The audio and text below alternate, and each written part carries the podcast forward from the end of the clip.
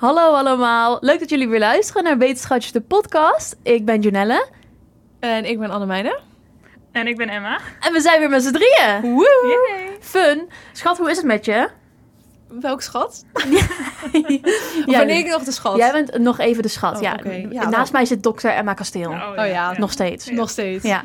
Nee, met mij is het goed. En ehm, dat heb ik denk ik nog niet verteld, maar mijn paper is online. De- was dat niet echt de dag nadat jij zei van... Ik ben er nu klaar mee. Ik ben er klaar mee, het lukt Ja. allemaal niet, het Ja. komt niet online. Ja. De dag daarna was in één keer approved. Ja, En de week daarna stond het online. En nu staat hij echt, echt online. Dus ik zal wel een link... Nee, ik denk dat ik vandaag, as we speak trouwens, of morgen ga delen op Instagram. Dus dan hebben jullie dat al gezien. Oh, schat, wat goed. Ja, ik ga het gewoon op, op, de, op onze Instagram gooien. Dus ehm, ja, dus ik ben, ik ben helemaal happy. Mijn eerste artikel eruit. Helemaal cool. En met jou. Dat is echt weer zo'n lekker begin. Echt weer zo lekker geforceerd, maar dat maakt niet uit. Ja, ja, ja. ja. Ik, nou, ja, het gaat prima. Het gaat helemaal prima. Maar ik ben dus een beetje brak. Oh. We hadden gisteren een diner bij de professor bij eh, de hoofd van biofabricatie in Utrecht. Ja. En we hebben daar gewoon, ik heb daar, hij had glühwein gemaakt. En vervolgens had hij witte wijn. Wat super en had hij rode wijn. Oh. En toen kwam iemand aan met een of andere Poolse apfelkorn of zo. En toen vervolgens had ik ook nog iets wat ponche crema heet. En dat is een whisky drankje met rauw ei. Oeh. Ja, klinkt niet Oh. zo... Het, geweldig. Oh, ja? Het, het is zo lekker. Oeh, moet je Ja. aan denken. Maar... Maar ei. Nou ja, dus ja, weet niet. Het is best wel lekker. Maar ze drinken in Amerika toch ook van die eggnog? Ja, dat is ja. waar. Nou ja, volgens mij is het zoiets. Alleen dan wat meer Baileys-achtig smaakje eraan. Hmm. En sommige cocktails is natuurlijk ook rauw eiwit. Ja, die is ronde sour. dat is waar. dat wordt inderdaad een... ook. eh, Er zit ook rauw oh. eiwit in. Ja, inderdaad. krijg je Dat, dat van schuimlaagje. dat opgeklopte laagje inderdaad. Dat is best wel lekker, Oh. Heel lekker. vind ik. Maar ja, dus gisteren had ik best wel wat gedronken. Met z'n allen best wel wat gedronken. Dat was gewoon super gezellig. Maar toen was ik vandaag een beetje brak. En net, zoals ik dus net al zei, ik heb echt van die ontembare honger. Dat ik gewoon kan blijven eten. Omdat je, dat komt door de brakheid. Ja, Ah. ik heb dat soms. Soms heb ik van die brakheid, dan moet ik alleen maar kotsen. Ah. Maar dan ben ik te ver gegaan. Beter dat je dit niet hebt ik ben nu. dan, nee, nee, nee. En nu heb ik zeg maar zo'n zo'n honger. Gewoon Oh. de hele dag honger. Ik vind het grappig toch dat eh, als in wetenschappers hebben natuurlijk altijd wel een beetje een soort stigma dat we, dat we nerds zijn en niet kunnen feesten. Maar het is toch, het wordt toch elke keer weer bewezen dat dat niet waar is. Zeker. Doe ik dat? Nou, onder Ik andere. Ja, jij ook, maar gewoon überhaupt. Als in, ik heb best wel goede feestjes gehad. Zeker. Vrijdag, afgelopen vrijdag eh hebben promoveerde een collega gedaan? van ons. Oh ja. En dat was een goed feestje. Wie? Hanja. Oh ja, dat heb ik gezien inderdaad. Op, eh, Gefeliciteerd, Anja. Ja, dat heb ik gezien op LinkedIn inderdaad. ja, ze deed heel goed. Ja, en was echt een leuk leuk. feestje daarna. Oh, wat gezellig. Ja, echt heel leuk. Leuk. hey, ik wil jullie heel graag even iets vertellen. Hè? Want ik heb van een luisteraar heb ik iets gehoord. En ik heb daar heel hard om gelachen. Deels omdat ik niet zeker wist wat hij ermee bedoelde. Maar hij zei dat hij heel graag naar ons luisterde. Omdat wij het tegenovergestelde waren, waren van Maarten van Rossum. ik weet niet wat dat betekent. Maar volgens mij is dat echt een enorme sufkut. Ja, ik zit, ik zit te twijfelen, maar ik denk dat het grootste verschil is... Hij is natuurlijk heel, heel down en zaggerijnig. En, Ja. en wij zijn natuurlijk heel erg hyper en blij. En, Ja. Nou ja, dus dat wilde ik even vertellen. Vond ik heel grappig. Ja, dat vind ik wel leuk. Maar wel een compliment. in Maar dat is de aflevering waar, waar hij dat over zei, was de aflevering waar je bij zat. Hoe heb je het ervaren? Ja, op was jouw het? eerste podcastaflevering? Ik vond het super leuk. Ik vond het wel een beetje spannend van tevoren. Ja. Maar dat hebben jullie ook nog steeds, hoorde ik. Ja. Dus, Ja, eh, zeker. normaal. Maar eh, nee, ik vond het super leuk. Ook echt heel veel hele leuke reacties gehad. Mhm. Mijn familie en mijn schoonfamilie hebben geluisterd. Oh, heel veel leuk. vrienden. Ik, had, ik heb wel best wel wat apps gedeeld. En Mhm. iedereen vond het super leuk. Ja. Oh, wat schattig. ja, ja, en ze kijken allemaal uit naar deel 2. Ja, leuk. eh, Oeh, ik ben bij deze. Ja, Ja. echt heel leuk. En ehm, het was ook goed te begrijpen. Blijkbaar gebruiken we af en toe nog wel wat jargon. Ja, Want echt? Iemand zei, ik weet niet wat een receptor is hoor. En toen dacht ik, oh, Oh, blijkbaar ja. hebben we het woord receptor genoemd. Maar dat Oh, is ja. Oh, eigenlijk normaal woord niet. voor ons, Kan ik eigenlijk ook niet eens plaatsen. Nee. nee. Oh, dat zijn inderdaad van die dingen, want ik heb dat na de tweede aflevering volgens mij ook al een keertje gehoord.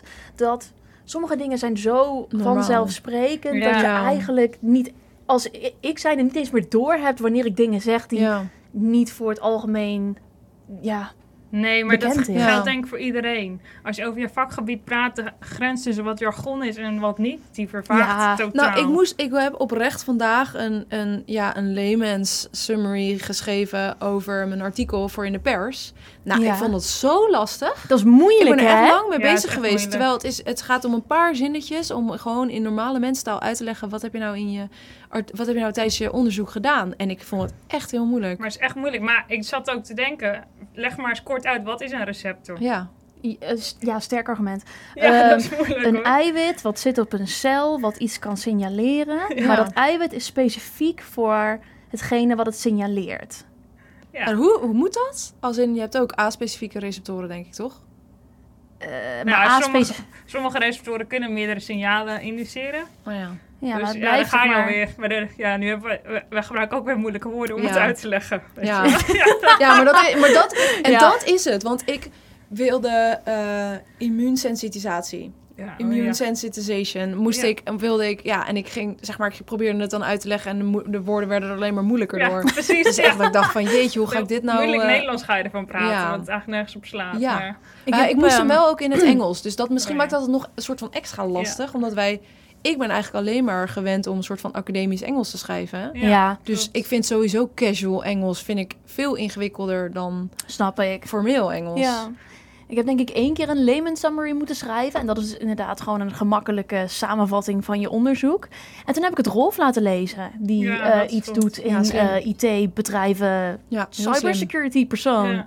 Toen dacht ik, ja... ehm, want ik zie Ja, het zelf echt- niet wanneer echt ik dingen zeg die dan niet duidelijk zijn. Nee, het is echt moeilijk. Wel precies het tegenovergestelde van wat wij hier proberen te doen met de podcast. Maar ja, Ja, ehm, Maar het, maar het is wel... daarom. Het het is wel echt, leuk om erover na te het is echt denken. een kunst hoor. In, eh, als je je onderzoek in lekentaal kan uitleggen, volgens mij is dat het allermoeilijkste wat er is. Ja. Volgens mij, als je dat echt goed kan, dan laat je zien dat je echt boven de stof staat. Ja, want ik heb dus ooit een keer, een van mijn oude professoren heeft wel eens bij een RTL Late Night Show gezeten, Ja, volgens cool. mij. En toen zei hij op een gegeven moment B-cel proliferatie, zei hij aan Oh, ja. tafel. En dat was bij Eva Jinek. En ik, ik zag haar echt kijken Kijk van, wat betekent what? dat? Ja. En hij ging gewoon door met zijn verhaal, weet je. Ja. Toen dacht ik, oh, dit, ja, dit is niet top. Ik vind het ook echt heel leuk om naar, ehm naar de podcast en dingen te luisteren of te kijken naar mensen die dus inderdaad hun wetenschap uitleggen. Zoals Erik Scherder vind ik echt een geweldig Hij is goed. Hij is Mm. Hij goed. is zo goed Ja. in zijn onderzoek uitleggen in taal die iedereen begrijpt. En dat vind ik zo knap. Ja, Ja, Ik, eh, Ja, zeker waar. Het is wel heel leuk, vind ik, om over na te denken. Zoals nu met di- dit ook. Maar dus je betrapt jezelf, of anderen betrappen je er eigenlijk op... dat je toch nog af en toe wat Ja. jargon erin slingert. ja. want dat wat jullie schrijven slash publiceren, laten jullie dat lezen door de mensen om je heen? Ik heb het wel eens geprobeerd. Ja. Maar ze haken allemaal in ieder geval al na het abstract af. Soms Ja. na de titel al. Lieve schat, de meeste mensen luisteren de podcast niet eens. Nee, nee. Waar ik mee omga. Oh. Dus ja. Nou, dat is trouwens niet helemaal waar. Want ik heb vandaag al een appje gekregen. Dat omdat Spotify Wrapped is vandaag online.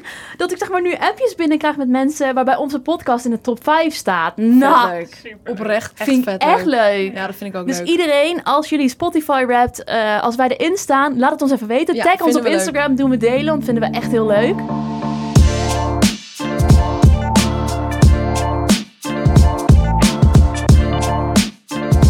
Ja, maar over luisteraars gesproken. We hebben natuurlijk in onze vorige aflevering gehad over dierproeven. Mhm.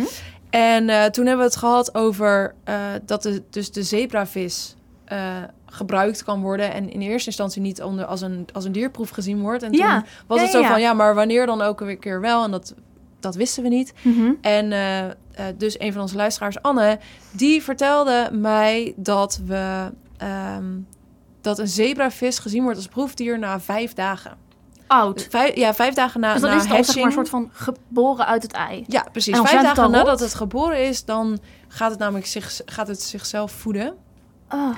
Mijn, eh, mag ik even onderbreken? Volgens mij is Ja? het vijf dagen na fertilisatie van het ei.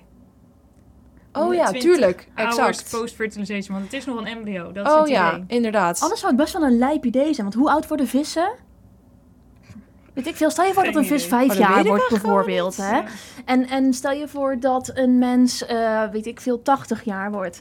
Die vijf dagen van die eerste levensfase is bij ons zoveel langer. Gebaseerd, zeg maar, relatief aan ons leven. Oh ja. Ja. Zou echt betekenen dat de eerste anderhalf van- jaar van ons leven in translatie, dat wij dan geen mens zouden zijn. Ja, precies. Ik ben nu wel heel benieuwd hoe oud een zebravis kan worden. Dat ga ik even Ja. googlen. hoe heb oud geen idee. kan een Maar blijkbaar is dus inderdaad de cut-off dat ze onafhankelijk zich kunnen voeden.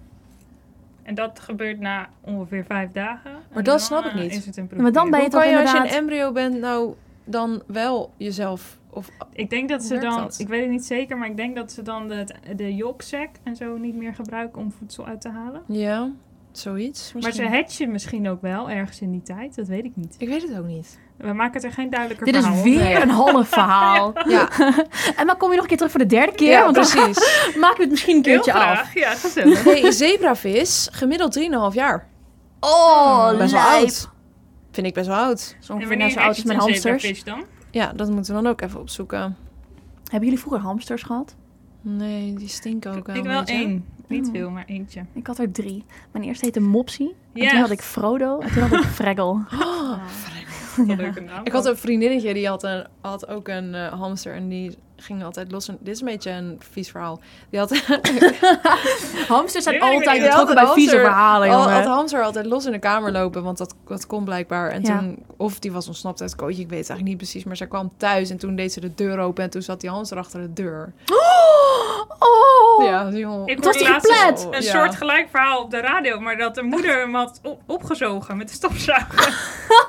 Ik had ook nog een andere vriendinnetje, die had ook een hamster. En die was op een of andere manier, had hij zichzelf gespiest aan een van de spijltjes van het kooitje. What the fuck? Terecht. Hamsters zijn... Ik moet wel zeggen, mijn tweede hamster Frodo, die heb ik verloren omdat hij zichzelf opgegeten heeft.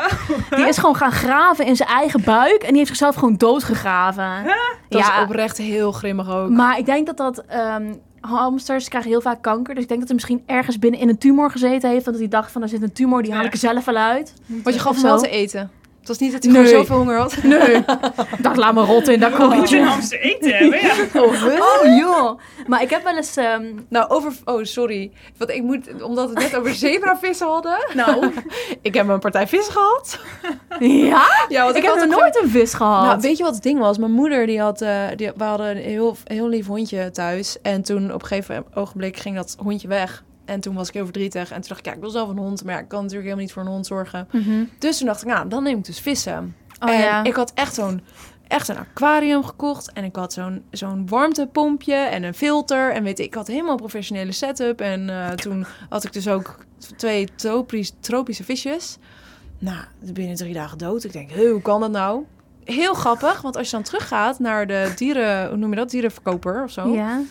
Dan krijg je dus gewoon nieuwe. Je kan dus gewoon zeggen, hé, hey, ze zijn dood, ze waren niet goed. Hier, heb je het bonnetje. Ja, oprecht, dan krijg je dus nog gewoon gratis, je gratis nieuwe. Nou, dat heb ik dus een paar keer gedaan. Toen op een gegeven moment dacht ik, nou, misschien dat het toch aan mij ligt. En dit is, dit is hem niet. Nee, Oh. nooit Ja. achtergekomen wat het was. Nou ja, ik heb dan toen... toen eh, ik heb ander, alle, allerlei soorten vissen geprobeerd. Ik heb er denk ik zeven gehad. Oh, wat zielig. Oké, ik ga toch nog een verhaal hierover vertellen. Ja, ik twijfel Ja, nog doe. een beetje nee, of nee, ik dit wil. Ja, ik ja, weet ja, niet of dit de podcast gaat halen, Ja, maar dit is nee, wel nee, nee. grappig. Ja, vertel. Oké, dus toen op een gegeven ogenblik heb ik een vis, die heb ik echt lange tijd gehad. Ja. was echt, echt een lievertje. Was ik echt heel, nou ja, hoe kan dat? ik, laat ik het zo zeggen, ik was er echt, ik was er heel erg gehecht aan. Ik was echt gehecht aan deze vis. Ik denk ook echt maanden gehad Wat heb. voor vis was het? Eh, goudvis. Kutvis. Ja, Ja. goudvis. En, ehm, eh, en toen uiteindelijk eh, toch op een of andere manier werd die vis ziek. Mhm. En ik heb, we hebben nog een verhaal hier tussendoor. Ik heb heel veel meegemaakt met vissen. Op een gegeven moment werd die... Dat verhaal ga ik niet vertellen. Op een gegeven moment werd die vis, werd die vis ziek. En Ja. toen dacht ik van, oké, dit is zielig. Want hij was zo'n beetje half aan het drijven en aan het blubben, maar niet Ja. dood. En ik had er zoveel moeite mee. Ik wist niet wat ik moest doen. Dus toen ben ik gaan googlen, hoe kan je het beste een vis euthaniseren? En ehm, nou, dan komen er heel veel dingen. Maar er komen echt mensen die zeggen dat je de vis moet invriezen. Dus in, in normaal water en dan in de vriezer. En dan, nou, er waren heel veel dingen die ik, waarvan ik dacht, nou, ik vind het Nee. naar. Dit Ja. wil ik helemaal niet. Ja. En toen las ik dus uiteindelijk dat het een goed idee is om die vis gewoon in één keer het. dood te slaan. Wat? Ja, dat dat de snelste manier is voor die vis om aan zijn einde te komen. En toen dacht ik, oké, dit, dit, dit, vind ik ik doen. verschrikkelijk, maar dit kan ik. En ik had het zo bedacht. ik had een nieuwe aflevering van echt- Murderer. Ja, maar dit is echt heel grappig. Ik had het zo bedacht. Mm. Ik had die vis in een zakje water gedaan. Ja. Heb ik een heel klein zakje, een klein knipje gemaakt in dat zakje. Zodat dan het water eruit zou gaan. Zodat ik alleen nog maar heel kort vis in zak heb. En dan stond ik buiten en dan dacht ik, sla ik die vis heel hard tegen een bakstenen muur aan. Kijk, vijf Nee, maar dit was al... Nee, nee, dat vind ik dus niet. Want ik had hem ook gewoon door het pleeg kunnen spoelen. En dan had hij Ja, maar dat was in ook riool. was sneu geweest. Dat was super zielig. Dit was gewoon de manier. Dus ik sta daar, zenuwachtig en verdrietig, omdat ik afscheid moest nemen van vis. Knip je in het zakje, water daaruit en ik smek hem met alle kracht die ik heb zo tegen de muur aan. Maar wat gebeurt er? In de, terwijl ik dit doe, scheurt die zak open, vis weg. Ik sla een leeg zakje tegen de muur aan. Vis weg. Ik heb hem niet meer kunnen vinden. Ik denk dat hij, ik denk dat hij ergens op het dak van de buren beland is of zo. Het was zo erg. Nou ja, jullie van de pijpen uit. Oh, het was Cynisch zoals dat jij het gepland had. Hij is Oh. gewoon, gewoon gestikt. Ja. Oh. En toen ben ik gestopt. Toen dacht ik, ik Toen neem dacht je geen nooit meer een vis? Nee. oh mijn god. Ik denk Nee. niet dat ik hier nog Toen overheen hebben we kom. nog dat aquarium nog op marktplaats gezet ook. En toen de dag dat iemand dat aquarium kwam ophalen, liet ik het vallen. Aquarium stuk. Het was een en al misère. Ik ga nooit meer aan de vis. Ja, dat was je karma, denk ik. dat was mijn voor- karma. ja. Oh, maar ik heb het zo... Oh, ik vond het echt... Oh, echt, vond ik echt niet leuk. Vind ik Maar heel goed, vervelend voor je. hey, oké. zullen Ja, we starten inderdaad. met hetgene wat we wel gepland Even, hadden? eh, In plaats van- terugkomen op de zebravis. Oh, hij, hatcht, hij hatcht dus na drie dagen. Dus dan komt hij uit zijn ei. Oh, oh. En dan... Maar Dus uit waren- zijn ei, niet uit zijn ei. Maar, dan, maar en vijf dagen, dan... Dan, dan gaat hij dus independent feeden. En Oh, dan dus er zijn dus... twee En vanaf levende dan is dagen dat, dat Ja. die... Nou ja, levend. Er zijn twee dagen dat hij gehatcht is en zwemt, waarbij het nog steeds geen dier is. Ja. Dat is... Lijp. Oké. Nou, dan weten jullie dat thuis. Super nice. Doe er je voordeel mee. Mocht je ooit met zebravissen gaan werken. Nee, maar goed. Even dan weer terugkoppelen naar waar we het deze week over gaan hebben. Hè, vorige week hebben we dus uitges- uitgebreid gesproken over dierproeven. En we hebben het over eigenlijk de Mhm. vele voor- en nadelen gehad. En Ja. uiteindelijk kwamen we erachter dat zowel op ethisch gebied als op wetenschappelijk gebied... dat er gewoon wel echt veel nadelen zijn aan eh, dierproeven. En dat... eh ja, daarom wilden we het eigenlijk deze aflevering gaan hebben over dierproefalternatieven. Of Ja. proefdieralternatieven. Ik, moet wel niet. zeggen dat er iemand naar mij teruggekomen is met het feit dat we wel negatief waren. Dat het wel een beetje dierproefhaat was. Oh, ik vind eigenlijk juist dat we. Ik denk dat we juist eigenlijk zo objectief mogelijk wel een beeld hebben proberen te geven. Want we hebben het ook wel gehad over de voordelen. Ja, een beetje. Had denk ik wel wat meer gekund eigenlijk. Ja? Als ik heel kritisch ben op mezelf, hadden we wel wat meer positieve dingen kunnen benoemen. Want bijvoorbeeld, ehm, we hebben het totaal niet gehad over dat het eigenlijk een van de weinige methoden is die we kunnen gebruiken als we bijvoorbeeld gedragstesten willen doen. Ja. Dat is, ja, weet je. Maar gedragtesten. Dan vraag ik me af in hoeverre dat valt dus onder dierproeven. Omdat je dus die dieren geen leed toedoet. Ja, maar die, uiteindelijk gaan ze de pijp uit, lieverd. Je kan ze niet zo de weide in laten. Dus als ze doodgaan, dat is vrij veel pijnlijker dan een naaldenspeld. Dat is waar, maar Ja. soms, ik, ik- er is tegenwoordig wel een soort initiatief dat je dus proefdieren kan adopteren als ze klaar zijn met... Oh, ik heb dat eh, gezien. Dat doen ze in Utrecht inderdaad. Ja, dan eh, kan je die muis of die rat of wat, eh, whatever, kan je Ja. dan eh, adopteren. Maar dat moet wel, eh, dan Dus moet je niet maar bepaalde... uit, maar eh, Ja, voor sommigen, maar het ligt er inderdaad aan als je bijvoorbeeld wel eh, iets wil toedienen. Dus je Ja, wilt dan effect mag van het al niet meer. weten of zo, dan als je, als je onderzoek doet naar angst of naar depressie of naar Ja. zoiets, precies. en Oh, je ja. wil een medicijn testen, dan moet je ze natuurlijk toch een Ja, naald inbrengen. zeker. Ja. Dus hebben we het al wel weer over een dierproef. ja, Ja. dat is waar. Want dat is natuurlijk de context waarin dat soort experimenten vaak worden gedaan. Ja, Ja. inderdaad. Of als je de, de neurotoxiciteit van de stof wil bekijken, Ja. ja. dan moet je toch die stof Maar het is inderdaad zeker waard om te benoemen dat er ook dingen zijn waar we, echt wel, eh, waar we echt wel iets aan hebben. Maar we Maar zijn gewoon een beetje eh, bevoordeeld, denk ik. Ja, misschien wel hè? Ja. Ja. ja maar dit, dit was ook iemand die ehm, onderzoek doet met dieren Ja. in Ja. gedragsstudies, Ja. inderdaad, Ja, naar. PTSD. Dus eh, Oh ja. ja. Davy als je luistert, dat ben jij. Je hebt gelijk, je hebt gelijk. We hadden wat positiever kunnen zijn. Maar ja, ons doel is ook om alternatieven te zoeken en te vinden. Of wat Ja. in ons werk. Ja. Dus dan, Daar zijn we letterlijk met z'n drieën allemaal mee Ja, bezig precies. momenteel. precies. Lieve, vertel je verhaal verder, want ik onderbrak jou in één keer uit niets. Nee, ja, dat, ik wilde eigenlijk gewoon een soort intro geven aan eh, eh, hè, waar we het dan nu dit keer over gaan hebben. En dat zijn dus eigenlijk de, de dierproefalternatieven. Mhm. Ehm, ik zit nu eigenlijk even te zoeken toch naar... Want ik had wel ergens een lijstje met de vooroordelen... Met de, niet vooroordelen, voordelen. Mhm. Dan kunnen we die gewoon nog even noemen. Want zo zijn wij, toch? Zo passen wij ons aan. Ja, zo positief zijn wij. Zo goed gaan we met feedback om. Precies. Ik weet ook eigenlijk Voordelen niet van meer. dierproeven. Ja. Maar dan kunnen we het toch wel bedenken? Ja, nee, het- ja, het heeft ons natuurlijk superveel gebracht. Ja. Dat is denk ik het grootste voordeel. Dat moeten we niet vergeten. We hebben daar zoveel informatie uit verkregen. En dat Ik- is hele ja. waardevolle informatie. Mhm. Ja. Die we ook kunnen blijven gebruiken. Ook al stappen we ooit van de dierproeven af. Alle informatie die er historisch gezien is, Precies. die blijven we natuurlijk Dat is gebruiken. zeker waar. Ja. Maar ja, weet je, er zijn natuurlijk nog steeds heel veel ziekten die wij nog niet genezen hebben. Nee. En waar we ze echt nog wel voor nodig hebben. Ja. Nou ja, dat is, dat is dus de vraag. Ik denk Voorlopig van wel. wel. Voorlopig Ja. wel, maar... ik- Om medicijnen te testen voor bijvoorbeeld, eh, weet ik veel. Ik hoop dat we in de toekomst ergens een keer Precies. kanker genezen. Ja. En ik hoop dat dat komt door een of andere, mm, wellicht eh, wonder chemotherapeutica. Maar die zal dus toch eerst wel getest moeten worden. Ik Ja. ben er wel van overtuigd dat wij het nog gaan meemaken dat het, dat het zonder kan. Zonder dierproeven. Ja, Maar voorlopig gaan we ze nog wel nodig hebben. volgens mij hebben ze ook ehm, vanaf 2020 tot 2024 hebben ze iets van 7 miljoen uitgetrokken. Puur gebaseerd op ervoor zorgen dat wij geen dierproeven meer gaan gebruiken. Dus dat die miljoenen gaan echt puur en alleen maar in het alternatief. Ja, Ja, is heel goed. Ja, Ne- Nederland wil gewoon heel graag voorloper zijn daarin. In ieder geval binnen Europa. En ook in, Ja. ik weet, eh, de Amerikaanse Environmental Protection Agency heeft ook doelstellingen. Oh, we willen in dit, dit, jaar, ik weet de jaartal niet uit mijn hoofd, maar we Mhm. willen in dit en dit jaar willen we zonder. Oh. Dus dat Ja. is wel goed, want als die doelstellingen er zijn, dan wordt er opeens hard gewerkt. Zeg maar. Mhm. Niet dat er nu niet hard gewerkt wordt, maar het helpt altijd. Ja, eh, inderdaad. Zo'n deadline, zeg maar, zo'n stok achter de deur. Klopt. Dus eh, ik denk wel dat het zonder kan, maar zolang we niet zonder kunnen, geeft het ons natuurlijk op heel veel vlakken hele waardevolle informatie. ehm, waar wij gewoon als mens veel beter van zijn geworden. Mhm. ja. Veel Ja. gezonder en veel langer kunnen leven. En Ja. dat hebben we allemaal de- toch voor een groot deel aan de dierproeven te Ik danken. denk het ook. zeker. Maar we hebben wel echt mooie alternatieven bedacht ondertussen. Hebben we ergens een lijstje? Wat, eh, Ja, want ik dacht... ehm, eh, hè, ik had een beetje nagedacht over hoe we deze podcast zouden kunnen opzetten. En ik dacht dan dat misschien doen aan de hand van de drie V's. Want eigenlijk is dat een Mhm. soort tegenhang. eh, nou, tegenhang is eigenlijk niet het goede woord, maar het is meer een soort.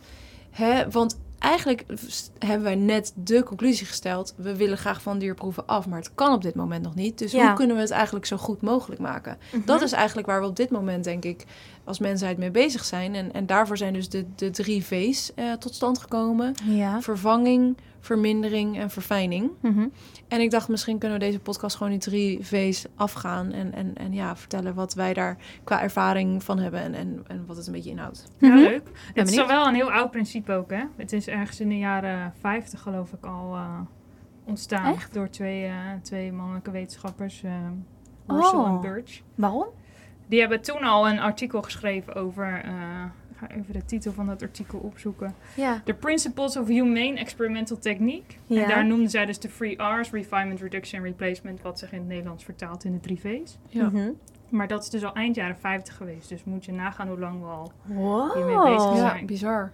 Echt bizar. Maar nog steeds is dit inderdaad een soort van het wetenschappelijke principe van Ja. het afstappen van de dierproef. Of in ieder geval proberen ze zo Mhm. ethisch mogelijk en zo Ja. goed mogelijk Oh, dus dat we er al zo vroeg mee bezig waren, joh. Ja, al heel vroeg. Maar in het begin kregen ze helemaal niet zoveel aandacht voor dat artikel. Dat is pas later gekomen. Ja. Maar Ja, terwijl er we wel echt echt al heel lang ook regulatie is wat betreft, eh, of wet, wetgeving wat betreft dierproeven. Volgens mij begon dat ergens al in 18, weet ik veel wat, dat de eerste wet daarover kwam. En Mhm. Grappig is ook dat ik had gelezen dat het dus in eerste instantie die wetgeving ook allemaal heel erg specifiek was op ehm, dus het verminderen van pijn, het verminderen van, van, van lijdt van die dieren. Mhm. Terwijl later daar ook eigenlijk bij kwam van ja, we willen niet dat een, dat een dier.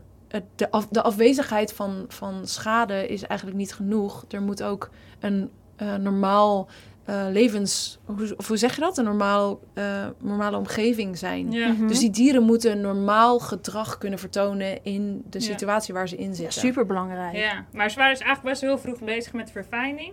Maar gewoon nog niet zo, denk ik, met vermindering of vervanging. Ja, Ik denk dat dat Ja. het is. ja, dat denk ik dus ook. Want, ik- en dat is blijkbaar pas, nou ja, of pas eigenlijk al in de Mhm. jaren 50 ontstaan. Ja. Ja. En dat is, dat is steeds groter geworden. En nu iedereen binnen de, in ieder geval binnen de talks kent de free R's en weet waar het over gaat. Ja, inderdaad. Ehm, maar dat was toen, blijkbaar toen zij dat publiceerde, helemaal niet. Beetje relevant. Iedereen dacht van nou, eh, je doet je best maar. Je Maar, loopt eh, maar, ja, inderdaad. Wij, wij doen gewoon dierproeven en daar zijn we tevreden mee. Maar dat is, en, Ja. en gaandeweg heeft het steeds meer aandacht gekregen en aandacht die het verdient ook, Mhm. denk ik. Ja, Leuk. want ondertussen hebben we wel veel vervanging. Ja, Nou ja, vrijwel elke labgroep denkt er op zijn minst over na. ja. Ja, inderdaad. Waar ze Ja, wel, precies. eh, Want waar jij me ook aan herinnerde, is dus dat het project waar, waar ik nu voor werk, Polyrisk, Ja. dus eh, volledig dierproefvrij is. mhm. En ehm, eh, dus, dus voorbeelden van bijvoorbeeld modellen die wij gebruiken om dus dierproeven te vervangen, is dat we bijvoorbeeld celculture. Mhm. Dus dan hebben we specifieke immuuncellen, in dit geval eh, onder andere macrofagen. En dat zijn gewoon cellijnen die gewoon eh, onbeperkt doorgroeien. Ja, Die je dus gewoon ter beschikking hebt. ja, Waar dus geen dierenleed, dat zijn ook humane cellijnen, er hoeft geen dierenleed aan te pas te komen. nee. En ik heb ook wel met primaire celculturen gewerkt. Dus dat zijn dan cellen die ik uit, uit ehm, menselijk bloed eh, heb kunnen isoleren. Ja, Die zijn wel wat korter van levensduur. En het is natuurlijk invasief voor ons mens, omdat er dus bloed geprikt moet worden. Maar daar, komen ook, daar komt ook geen dierenleed aan te pas. En, en het mooie is dat je ook die cellijnen bijvoorbeeld eh, kan combineren. Want een van de onderzoeken die ik doe, daarbij kijk ik naar de opname van microplastics door, eh door darmepitheel. mhm. En wat ik, ja, ik modelleer dan eigenlijk een soort, soort mini-darmpje op een insert. Dus ik heb een membraantje waar gaten in zitten. Daar groei ik verschillende cellen op die, die we ook terugvinden in onze eigen darmen. Mhm. Om zo'n soort klein darmpje te maken. En daar doe ik dan vervolgens die microplastics op. En dan kijk ik of het over die cellaag heen gaat. Om dus op die manier opname van, van Mhm. ons darmen na te bootsen. Dus er zijn eigenlijk al zoveel, ja, echt zoveel oplossingen om dat soort dingen te vervangen zonder dat er dierproeven. En, het, en het, wat ik het mooie vind is dus dat je eigenlijk al die testen, je kan zo bijna zo complex gaan als je wil. Ja, En soms is het juist, dat hebben we de vorige keer ook besproken, heel voordelig om het zo simpel mogelijk te houden. Ja. Zodat je op eigenlijk heel snel eh, verschillende testen kan doen. En dan kun je Mhm. daarna eigenlijk weer dieper erop gaan van ja, hoe zit het dan met het mechanisme en weet ik veel wat. En, en ingewikkeldere modellen Mhm. Zeker. eh, doen. Ja, ik heb ook al eens een keer een, een soortgelijk eh, model gezien als wat jij eh, eh, beschrijft. Dat, is, dat was ook bij Neurotox, dat was het blood-brain barrier model. Ja. Waarbij ze zeg maar een laag maakten van ehm, je, je epitheel van je bloedvaten, zeg maar, bootsten ze dan, na- dan na. En dan een laag van je hersenen, zeg maar, van... Wat waren het? Astrocyten, denk ik? Astrocyten, pericyten misschien. ja, inderdaad. Nou ja, en dan... Ehm, Jargon. Type hersencellen. ja. Ja, inderdaad. En dan deden ze dan zeg maar samen culturen en dan konden ze precies zien van oké, weet je, wat gaat er compleet doorheen, Ja. zodat je zeg maar na kan bozen van wat bereikt jouw hersenen van hetgene wat je bijvoorbeeld in je bloed hebt zitten. Ja. Ja.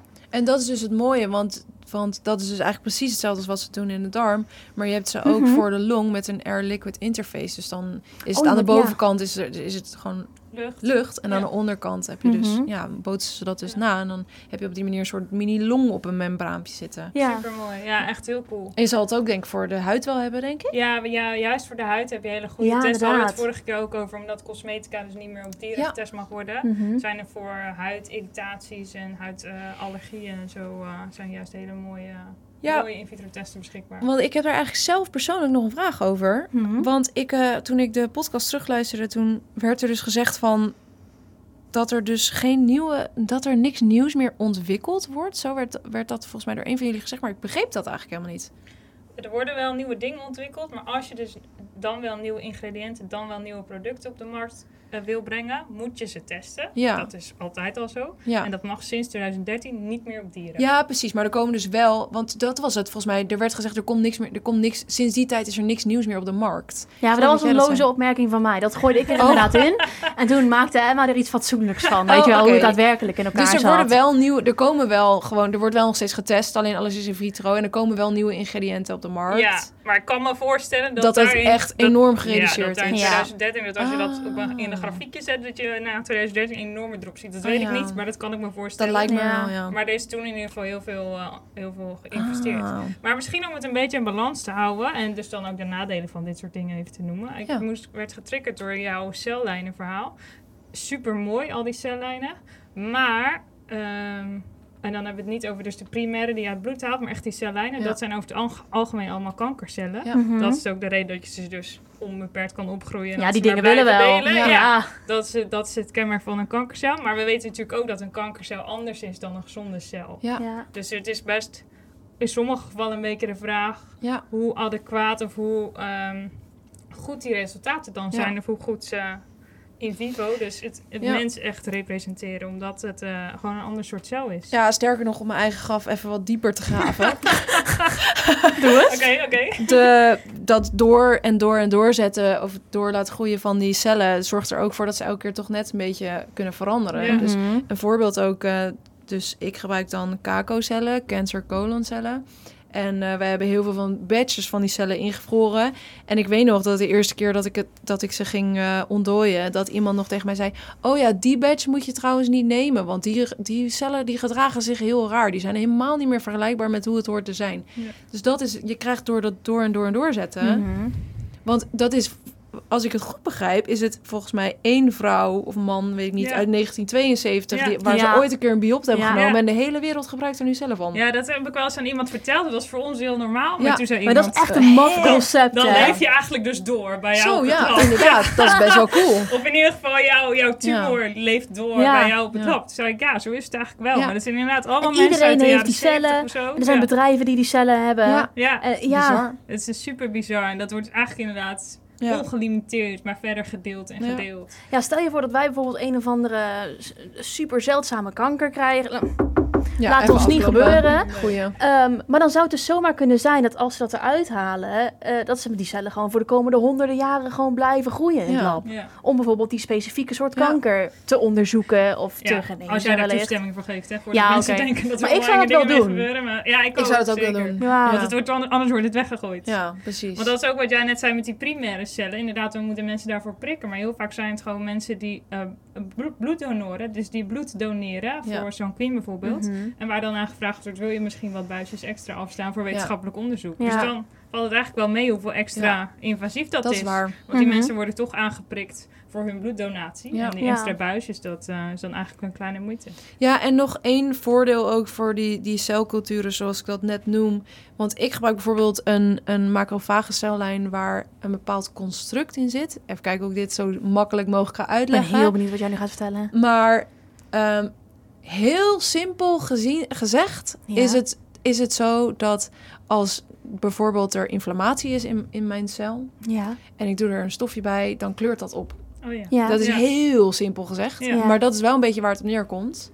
Dus die cel is zo genetisch dusdanig veranderd dat, er, dat, er, dat, dat het licht gaat geven als er inflammatie is. En dus het is voor mij daardoor super makkelijk om, om dat soort dingen te testen. ja, maar dat is wel mooi. Hè? Want één zo'n cellijn kan je echt bizar veel doen. Ja. Ja. je kan echt veel mee. Ja, Ja. er zijn ook echt onnoemelijke voordelen. Oh, we Mhm. zouden eens een keer een, een podcastaflevering over CRISPR-Cas moeten maken. Ja, dat is Kunnen we Daar best doen. Ja, dat is best wel leuk. Ja, Heb ik nog nooit mee gewerkt. Nee, ik ook niet, maar het is wel echt super interessant. Ik heb wel een keer in een biologisch of eh, een, een ehm, moleculair biologisch laboratorium gezeten, maar ook daar heb ik geen CRISPR-Cas gedaan. Hmm. Ja, het is ook echt wel iets wat de laatste jaren toch wel echt hip is. Ja. Ja. CRISPR-Cas. Die hebben daar ook echt twee jaar geleden pas een eh, Nobelprijs voor gewonnen. Ja? Vorig Oh, ja? jaar misschien Ja. zelfs, of twee jaar geleden. Het is wel echt een goede uitvinding. Toen zat ik in ieder geval nog bij jullie toen, eh, toen zij wonnen. Oh ja. Ik weet niet wanneer dat was. hey, wat voor, een, eh, wat voor een alternatieven gebruiken jullie? Nou, ik werk dus sinds kort in een bioengineering lab. En ik zei dus net in het begin al van ja, ik was bij de professor van biofabricatie. En ik bedacht me nu net dat mensen misschien helemaal niet weten wat biofabricatie inhoudt. Ga ik jullie nu vertellen. Leuk. Nice. Wat? Wat we dus heel veel doen, ehm, is 3D-printen van verschillende constructen. En dan in die constructen maken we, eh, laten we ruimte over voor bijvoorbeeld een bepaalde gel. En in die gel kunnen we dan eh, cellen kweken. En dan heb je vervolgens, als je dat in dat construct spuit, wat jij 3D-print hebt, heb je dan vervolgens zeg maar, een soort van mini-orgaan. Ja, cool. En dan die gel die gaat fungeren als een extracellulaire matrix om die cellen heen. Dus die cellen die vinden het heel fijn om met elkaar te communiceren. Maar die hebben daar wel een soort van vloeistof omheen, of in ieder geval een bouwstof omheen nodig om dat te kunnen doen.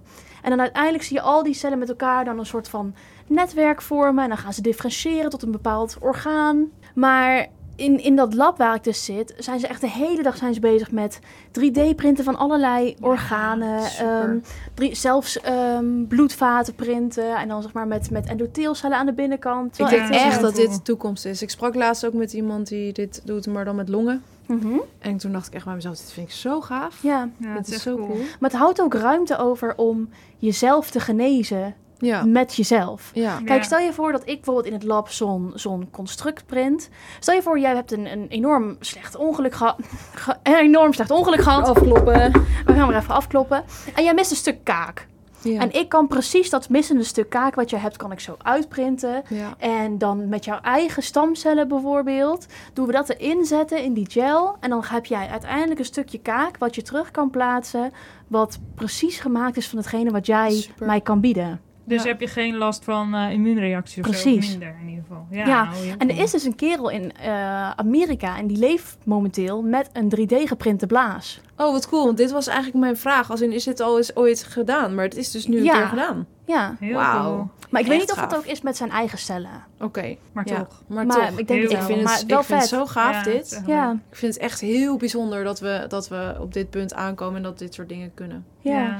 Wat ik me wel nog afvroeg, en dat, ehm, dat, daar gaan we ook maar langzaamaan waarschijnlijk op één manier achterkomen. Maar hè, we hebben natuurlijk in een van onze vorige afleveringen gehad over die siliconentoxiciteit van borstenimplanten. Mhm. Implantaten. Ik heb het volgens mij ook een paar keer gezegd, die aflevering. In platen. Echt? Ja, volgens mij wel. Implantaten. Implantaten. Ja. En ik vraag me dan wel af van ja, uiteindelijk breng je toch wel weer iets vreemds in je lichaam. ja. En Ja. weer plastic, ja, plastic is het denk ik. Het construct. Ja. Precies. En dan vraag ik me af van ja, gaan we daar niet uiteindelijk toch weer op wat voor manier dan ook dit is dus interessant, hè, want ik kwam direct vanuit Tox kwam ik bij bioengineering, bij biofabricatie. Ja. En zij printen daar dus allemaal met PCL, dat is polycaprolactoon. En dat is biodegradable. Hm. Maar ik heb wel artikelen online gevonden die dan zeg maar kijken naar de immunotoxiciteit van zo'n zo'n plastic. En ze lijken niet heel veel te vinden eigenlijk. Maar het idee van die plastic is dus dat het uitbreekt in, in Ja. superkleine stukjes en uiteindelijk dus biodegradable is. Ja. En het eerste wat ik toen dacht is, waar, waar gaat dat heen? Exact. Weet je wel? Exact. Waar blijft dat spul? Ja. Ik heb geen idee. ja, want ik ben als onderzoeker naar die, die onderzoek doet naar microplastics best wel sceptisch over biodegradable plastics. Omdat Ja. dat eigenlijk betekent het wordt sneller microplastics dan, Ja. dan Ja. de Ja. wat stuggere plastic, plastics. Ja. Ja. Dus, eh, oh. En je ziet Want- maar best is eigenlijk ook het idee dan dat is dat ook het idee dat dat construct zeg maar langzaam vergaat en dat het overgenomen wordt door je Ja, echtcellen? Ja, precies. Ja, precies. Het is niet dat dat construct blijft en als een soort van, weet ik veel, Nee, nee, nee, is de bedoeling dat. Dat dat construct wat je in eerste instantie Oh, ja, geprint ja, ja. hebt. Want ze doen nou daar dus best wel veel met eh, botcellen. Dus dat is een heel dik geprint eh, stukje weefsel dan, zeg maar, soort van. Ja. En dan daarin laten ze die cellen groeien. ja. En ehm, uiteindelijk gaat die, die plastic, dat breekt dan af. Ja. En dan heeft dat, die cellen hebben dan alleen maar ruimte om precies Zo dat gaaf. gat op te vullen. Echt heel cool. Ik denk ook dat het gaat lukken voor veel complexere organen.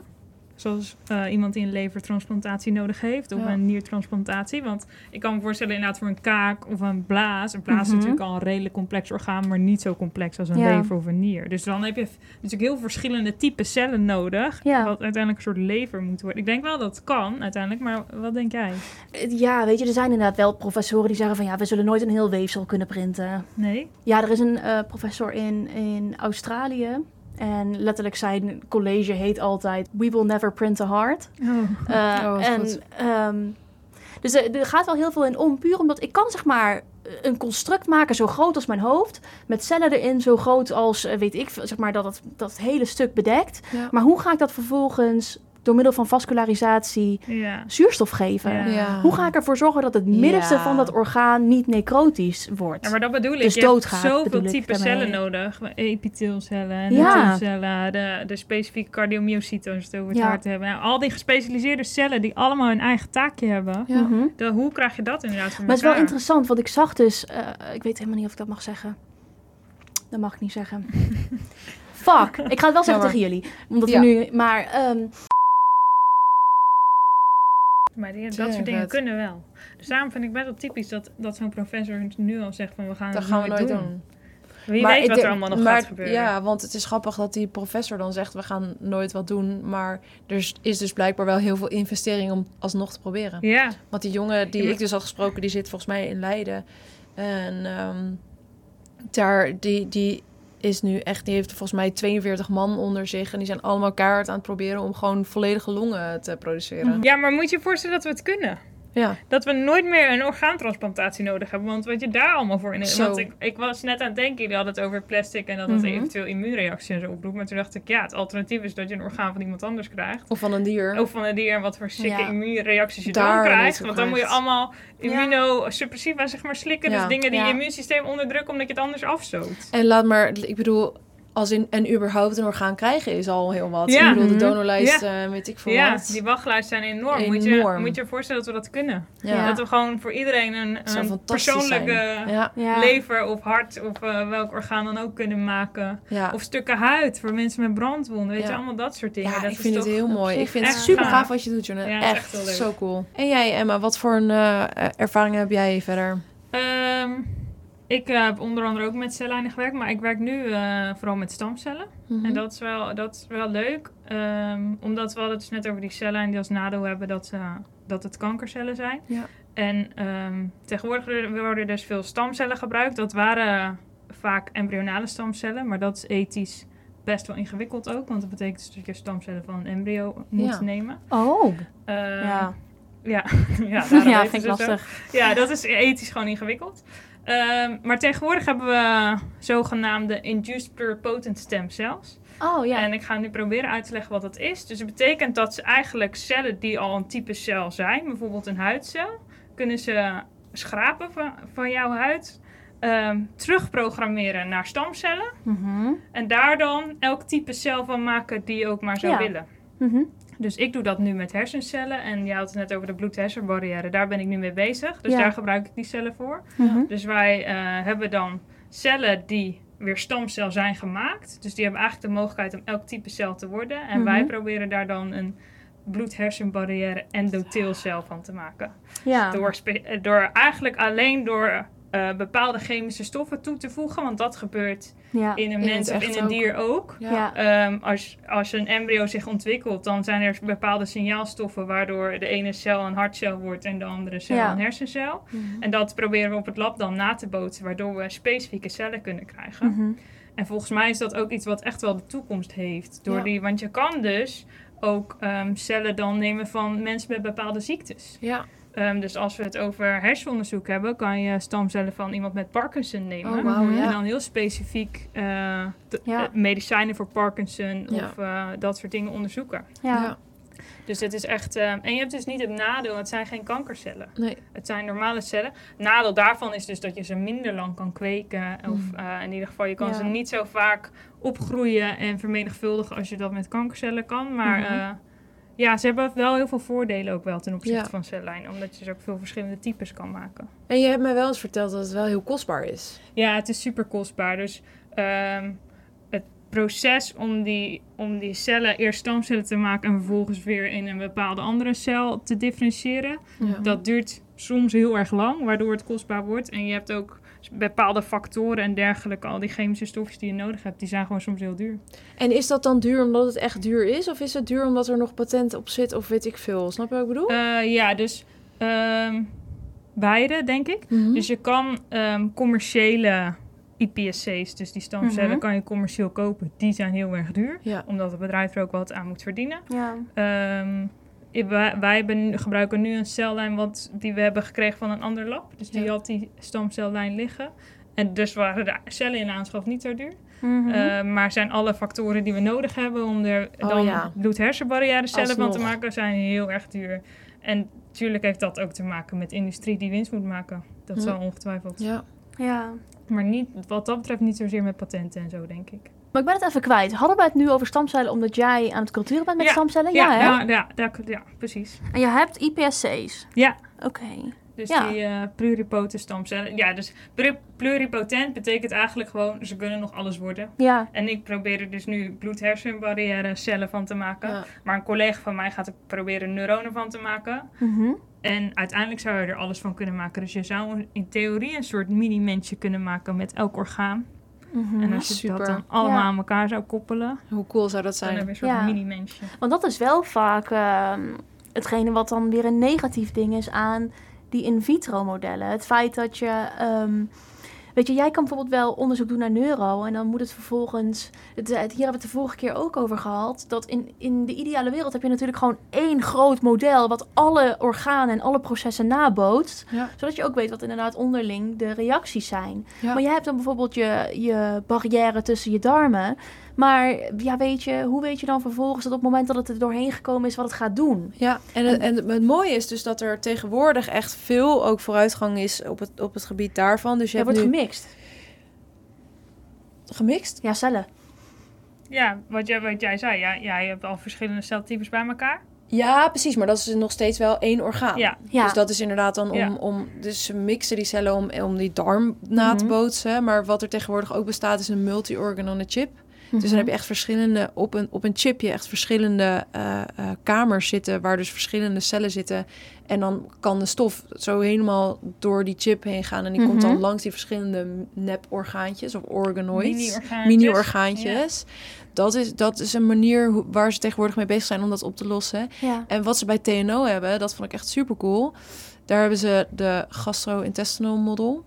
En Mhm. dat is zeg maar een soort echt een, echt een stellage, een hele grote, een grote, grote ehm, ja, opzet. Waarin ze dus de hele eh gastro-intestinal tract nabootsen. Dus van mond tot kont, zeg maar. En het mooie is dat ze dus ook echt daadwerkelijk de darmperistaltiek nabootsen. Dus het Mhm. samenknijpen van, van de darm. En Ja. er komen maagsappen bij en er komen van in het begin met speekselenzymen en weet ik veel wat. En zo bootsen ze zo die hele, ja, die hele weg die, die een, een medicijn bij, bij wijze van spreken aflegt, bootsen ze helemaal na. En kunnen Ja. ze dus op verschillende punten ook intervenen om te kijken van hè, wat, wat, wat is er nog van over en wat is het effect en wat gebeurt er. En cool. het mooie is dus dat. ehm, ik heb er ook over nagedacht om dat misschien eh, te gebruiken in, in mijn studie, maar zover ben ik nog niet helemaal. Want bij, bijvoorbeeld, als we het hebben over microplastics, hè, stel Mhm. we, we eten, we krijgen microplastics binnen, die zuren en, die- en die enzymen, die kunnen toch ook die, de fysieke eigenschappen van die microplastics veranderen. Jazeker. En als ik nu een microplastic bij mijn cellen doe, dan doe ik het gewoon zoals ik het gekocht heb, bij wijze van spreken, gekocht heb uit het potje. Terwijl misschien die eigenschappen van zo'n microplastic al volledig veranderd zijn als Ja. ze die hele, Ja. als ze met galzuur en weet ik veel wat in contact zijn Ja, maar dat is dus het ding van in vitro testen. Jij bent vervolgens, je zit in je tweede jaar nu, toch? Van je Ja, PhD? Ja? Kijk, je kijkt alleen naar immunotoxiciteit en naar darmen, maar je weet niet inderdaad wat er daarvoor gebeurd is, omdat daar de in vitro modellen, die, gebruik jij niet. Nee, precies. En, en ik heb dus wel in samenwerking met een andere PhD-student gekeken of we eh, die, ja, dus het effect wat die enzymen hebben kunnen nabootsen. Maar dat is toch allemaal weer ingewikkelder dan dat Ja. het lijkt. En we zouden die samenwerking met TNO best aan kunnen gaan. Hè? Dat zij zo'n microplastic de hele, of bij wijze van spreken tot aan de darm laten gaan. Mhm. En dat ze dat eruit halen en dat ik dat vervolgens bij mijn cellen stop. Dat is Ja. ook een van de dingen die zij doen. Ja, Maar het is mega kostbaar. ja Mhm. dat, maar dat is, dat is omdat het ook nieuw is, denk ik. Ja, Als dit uiteindelijk een soort wat commerciëler Meer wordt. routine, En meer ja. routine wordt en ze hebben het helemaal uitgedokterd. Dan is dit denk ik waar we naartoe moeten. dat denk ik Ja. ook, ja. Hebben ze ook, eh, vroeg ik me af, eh, het microbioom daarin eh ik nagebootst? niet. Dus alle bacteriën Ja. die in je darm aanwezig zijn. Ik had Ja. er toevallig vandaag een discussie over met een collega. Mhm. Super interessant, er wordt steeds meer over bekend. Want die kunnen ook stofjes afbreken en Ja, zo. Die bacteriën in je darmen. En er zijn er natuurlijk miljarden.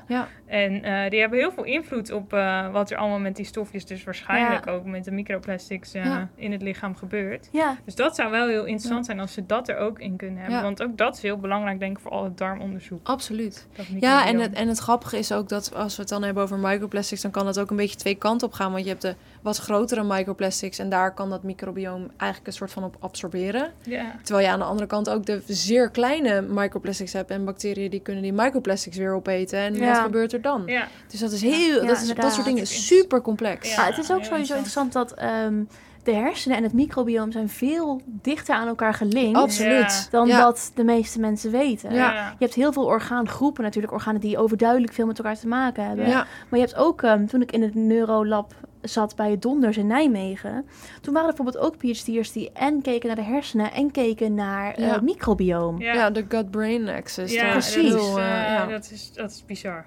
Ik eh, hoorde laatst een presentatie van iemand die eh, was daar ook mee bezig. Mhm. En die ehm, transplanteerde dus poep, ja, dat is een specifiek verhaal, van eh, kinderen met autisme en van normale kinderen, of kinderen zonder autisme in ieder geval, transplanteerden ze in muizen. Mhm.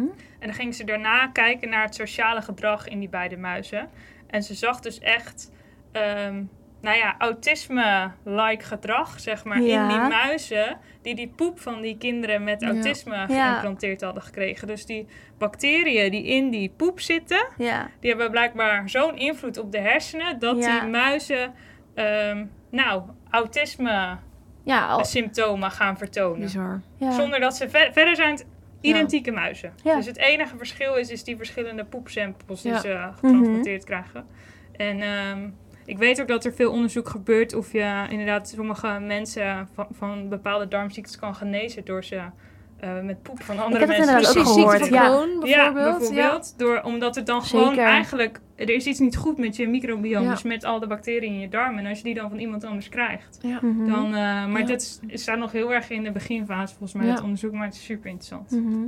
Ja, want in dat opzicht is denk ik, dat heb ik ook al eerder tegen jou gezegd, Janelle, microbiome best een leuke ehm, Aflevering. aflevering Ja. om het een keertje over te hebben. Ja, leuk. Eh, maar over afleveringen gesproken, laten we weer even teruggaan naar de agenda. Want we, hebben, we zijn alweer flink op weg en we wilden eigenlijk nog, ook nog even praten over eh, verfijnen en eh, verminderen. Verfijning hebben we eigenlijk al, eigenlijk al benoemd. Hè? Dat gaat dus over dat je dus wil zorgen dat, die, dat de dieren het zo goed mogelijk hebben. Zorgen dat die dieren een fijne, een fijne omge- leefomgeving hebben. Hè, want Mhm. sommige dieren willen juist liever in hun eentje, terwijl anderen dus liever in groepen in kooitjes Ja, zitten. zeker. En zorgen dat ze... Ratten zijn ehm, bijvoorbeeld hele sociale dieren. Ja. Ja, Die willen heel graag samen zitten. Die worden heel verdrietig als ze alleen Ja. zitten. ja, precies. En ze zijn ook slim, dus ze Ja. hebben ja, kooiverrijking noemen ze dat Ja. volgens mij. Je kan ze niet in een kale box zetten. Nee, Ze daar hebben, vervelen ze zich. Ze hebben Ja. tunneltjes en weet ik het, allemaal dat soort dingen nodig om gewoon gelukkig te zijn. Ja. Ja. Net zoals dat wij ook, we willen mensen om ons heen, maar we willen ook dingen Mooi om handen hebben, zeg Ja. maar. Niet in een lege kamer gezet worden en zo Nee. van, Ja, en het, en het ding is ook dat dat is niet, uiteindelijk niet alleen eh, eh, goed voor de dieren, maar ook voor het onderzoek. Want bijvoorbeeld als die dieren zich niet oké voelen, Mhm. eh, kunnen ze ook agressief worden naar elkaar. Ja. Bij wijze van spreken kunnen ze elkaar gaan bijten of Ja. krabben of Oh, zichzelf ja. bijten of krabben. Wat de onderzoeker vervolgens kan opvatten als... hey, Hey. deze heeft haarverlies. Ja. Dat komt door een medicijn. Terwijl het Ja. eigenlijk komt omdat die andere rat dat eraf zit te krabben. Ja. Ja. Dus, dus verfijning is, is eigenlijk op meerdere plekken... eh, of eigenlijk op, om meerdere redenen gewoon belangrijk... Ja. Wanneer het gaat om dierproeven. Ja. En dan hebben we nog vermindering. En dat is eigenlijk dus dat je... Hè, als, als het niet anders kan en je, en je toch dus dierproeven gebruikt, dat je dan zo min mogelijk dierproeven gebruikt. En dan gaat het eigenlijk ook met name omdat je gewoon een adequate statistische analyse gebruikt om te bepalen hoeveel dierproeven je, eh, of hoeveel dieren je nodig hebt. Mhm. En ehm, dat je dus eigenlijk ook.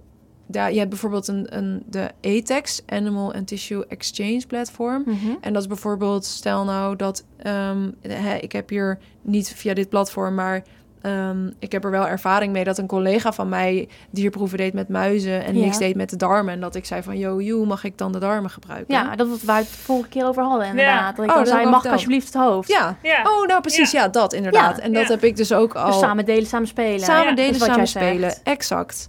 Dat. En eh, dat je hè, misschien delen van je in vivo experiment vervangt door in vitro als niet alles mogelijk is. Ja. Of dat je meerdere meting doet in, in hetzelfde dier. Maar dan moet je dus wel weer oppassen dat dat niet juist het lijden vergroot. Dus op die manier is, is ook hier weer echt aandacht bij nodig. En moet je Mhm. gewoon goed nadenken over hoe je dat doet. De kern is inderdaad denk ik gewoon dat je heel goed nadenkt over eh, welke, welke experimentele vraag heb ik. Ja. Hoe ga ik die beantwoorden en hoeveel dieren heb ik daar dan voor nodig? Ja. En hoe kan ik Mhm. ervoor zorgen dat dat zo min mogelijk zijn? Dus inderdaad, Ja. als je bijvoorbeeld eh, bloed van, eh, van dieren wil gebruiken, als je gewoon elke keer een klein beetje bloed kan nemen, dan kan je dus hetzelfde dier over tijd volgen. Ja. In plaats van dat je elk uur zeg maar een, Een dier nieuw dier. doodmaakt om Ja. vervolgens het bloed eruit te Ja. trekken. Maar inderdaad, je brengt natuurlijk wel, dan wel elke keer een naald in. Dus heb je additioneel lijden van datzelfde dier. Ja. Maar toch, Ja. Als je daardoor veel minder dieren nodig hebt, is dat in ieder geval een afweging die je kan Ja. maken. Dus Ja. je moet gewoon heel goed nadenken over welk experiment wil ik opzetten, hoe, Ja. wat heb ik statistisch nodig aan aantal dieren om Mhm. daarna een goede statistische analyse te kunnen Ja. doen. Ja, daar gaat het uiteindelijk om. Ja, en wat voor een in vitro modellen kan ik vooraf al doorlopen? precies. Om al Ja. zoveel mogelijk te, Te weten, weten. voordat je überhaupt gaat starten, ja, als het dan nog überhaupt nodig is. ja, nou Ja. precies dat. Weet je, wie weet kom je er wel door middel van een van die in vitro modellen achter dat het helemaal niet kan. Ja. Want 90% van alle medicijnen die wij de proefdieren momenteel geven, dat kan niet, want dat is toxisch voor ze. Ja. En dan misschien door middel van al die in vitro testen van tevoren te doen, was je, had je misschien dat, dat die 90% al voor de helft verminderd. Ja. Was je er veel eerder achter Ja, gekomen. had je zoveel Ja. leed al kunnen vermijden. Ja. Kan. Ja. En daar kan denk ik dan in silico, om die er dan nog maar Ja. even in te gooien, ook heel goed eh, Ja. helpen. Want die kan dan misschien al door middel van een model voorspellen, oké, hier gaat die stof voornamelijk naartoe. Dus dat is voornamelijk de lever. Dus we verwachten vooral levertoxiciteit. Nou, dan doen we Mhm. wat in vitro experimenten om die levertoxiciteit te bekijken. En als we dan zien dat het inderdaad super toxisch is voor de lever, nou, dan hoef je het eigenlijk inderdaad niet eens Ja, te proberen. inderdaad. Dan, ja. En hoe kunnen we dan het molecuul aanpassen dat we die levertoxiciteit misschien verminderen? Daar kan Ja. in silico dan ook weer bij helpen. ja.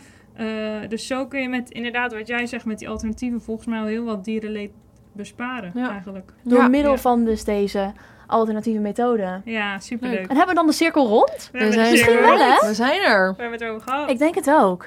Jongens, dankjewel dat jullie er waren. Jij ook Jij ook bedankt, Janelle.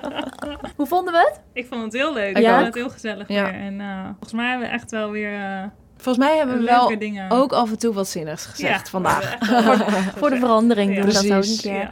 Luisteraars, leuk dat jullie luisterden naar deze aflevering. Mochten jullie ons willen volgen, dat kan op Instagram op wetenschatjes.podcast. En eh, tot over twee weken, dan zijn we er weer met een gloednieuw onderwerp. Misschien eentje die we vandaag benoemd hebben, misschien ook niet. Je weet het niet. zeggen? We weten het niet. Oké, nou, dag schat. Dag schat. Dag.